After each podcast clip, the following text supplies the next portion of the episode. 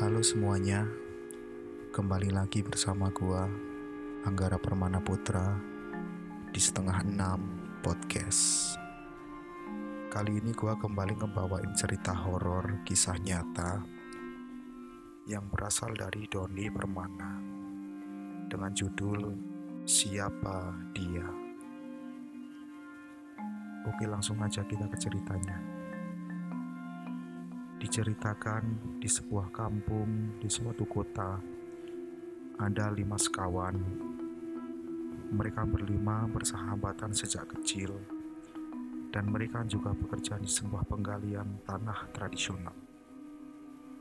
Mereka berlima sudah menikah dan mempunyai anak. Setiap libur mereka selalu pergi memancing ke danau Cangari di daerah Cianjur Besok pagi kita mancing lagi gak? Ucap Ujang saat sore hari sebelum pulang kerja di tempat penggalian tanah. Iya, ayo kita berangkat, ucap Sandi.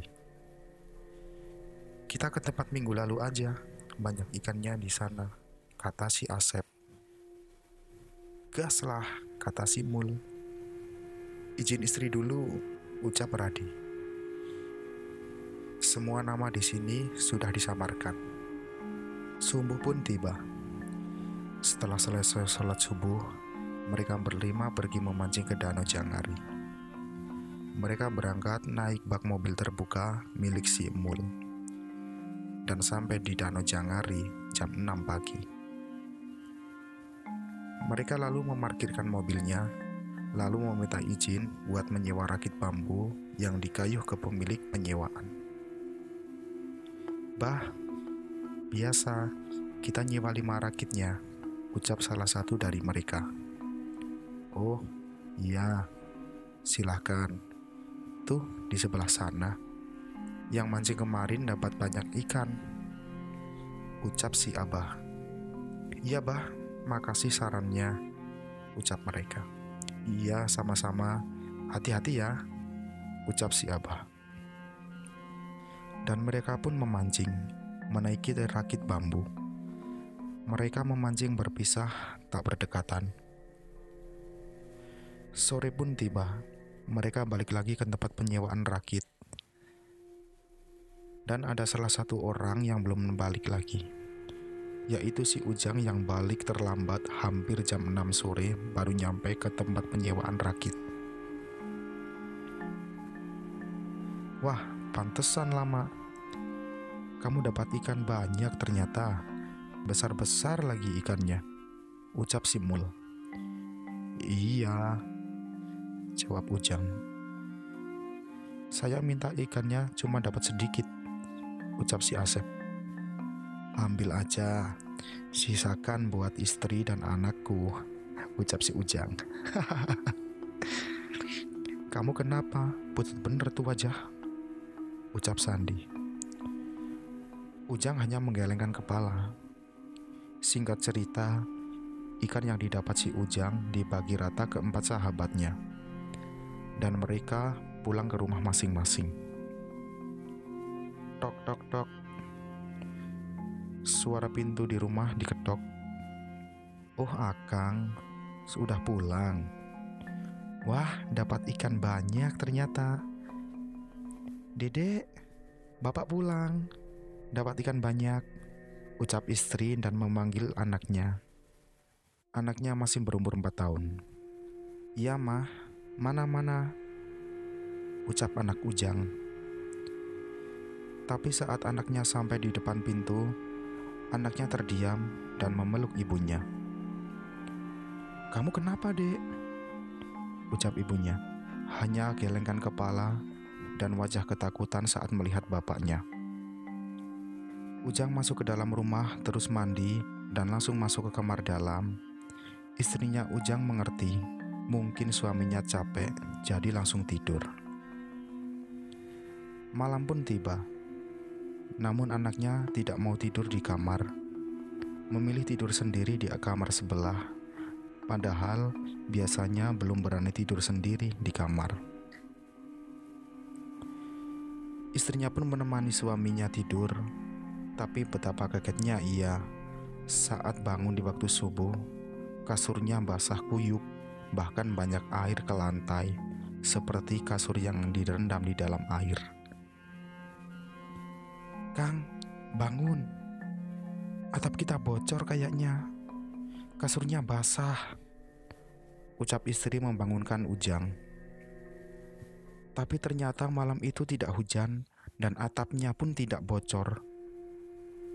Kamu kenapa, Kang? Tubuhmu basah semua dan keluar keringat dingin. Kasurnya basah karena keringatmu, Kang. Kamu sakit, bukan? Tubuhmu sangat dingin. Ucap istri karena merasa khawatir karena basahnya kasur karena keringat yang keluar dari suaminya. Akang tidak apa-apa. Ucap Ujang yang terus bangun lalu pergi ke masjid buat sholat subuh. Dan saat jam 8 pagi, Sandi menjemput Ujang untuk berangkat kerja. Karena mereka berangkat selalu barengan. Jang, ayo kerja, jangan tidur aja, teriak Sandi dari luar rumah di atas sepeda motornya. Kalau sakit jangan bekerja, Kang. Istirahat aja di rumah. Ucap istri di dalam rumah. Akan kerja dulu, ucap Ujang. Makan dulu, Kang. Jawab si istri. Ntar aja. Jawab si Ujang. Mereka pun berangkat bekerja naik motornya Sandi ke tempat galian tanah. Tubuhmu dingin banget, Jang. Sakit jangan maksain kerja, ucap Sandi saat di perjalanan. Enggak, ucap Ujang. Singkat cerita, mereka sampai di tempat kerja dan ketiga temannya pun sudah di sana. Hari itu mereka kerja seperti biasa. Keanehannya, wajah Ujang sangat pucat dan banyak keringat yang membasahi bajunya saat bekerja. Di saat istirahat, mereka berlima memilih berkumpul buat makan. Jang, kamu gak bawa bekal makan? Ucap Asep. Ujang hanya menggelengkan kepala. Ini banyak nasi, ayo makan bareng. Ucap Simul. Saya tidak lapar. Ucap Ujang yang memilih diam di saung tempat istirahat. Dia duduk seperti melamun dengan wajah yang sangat pucat seperti orang sakit. Sore pun tiba. Mereka pulang lagi ke rumah masing-masing. Tok tok tok. Suara pintu diketok. Oh Akang, sudah pulang. Tumben gak bilang semalam. Ucap istri sambil senyum mencium tangannya. Kang, tanganmu sangat dingin, seperti es. Kita berobat aja ya Kang. Wajahmu sangat pucat. Ucap istri. Saya mau tidur. Ucap Ujang yang langsung masuk ke dalam kamar dan langsung tertidur pulas. Malam ini juga anaknya masih sama. Tidak tidur bersama ibu dan bapaknya, memilih tidur sendiri. Dan di saat bangun setelah adzan subuh, istrinya kaget lagi. Semua kasurnya udah basah oleh keringat yang keluar dari tubuh suaminya. Kang, bangun. Tubuhmu sangat dingin. Wajahmu sangat pucat.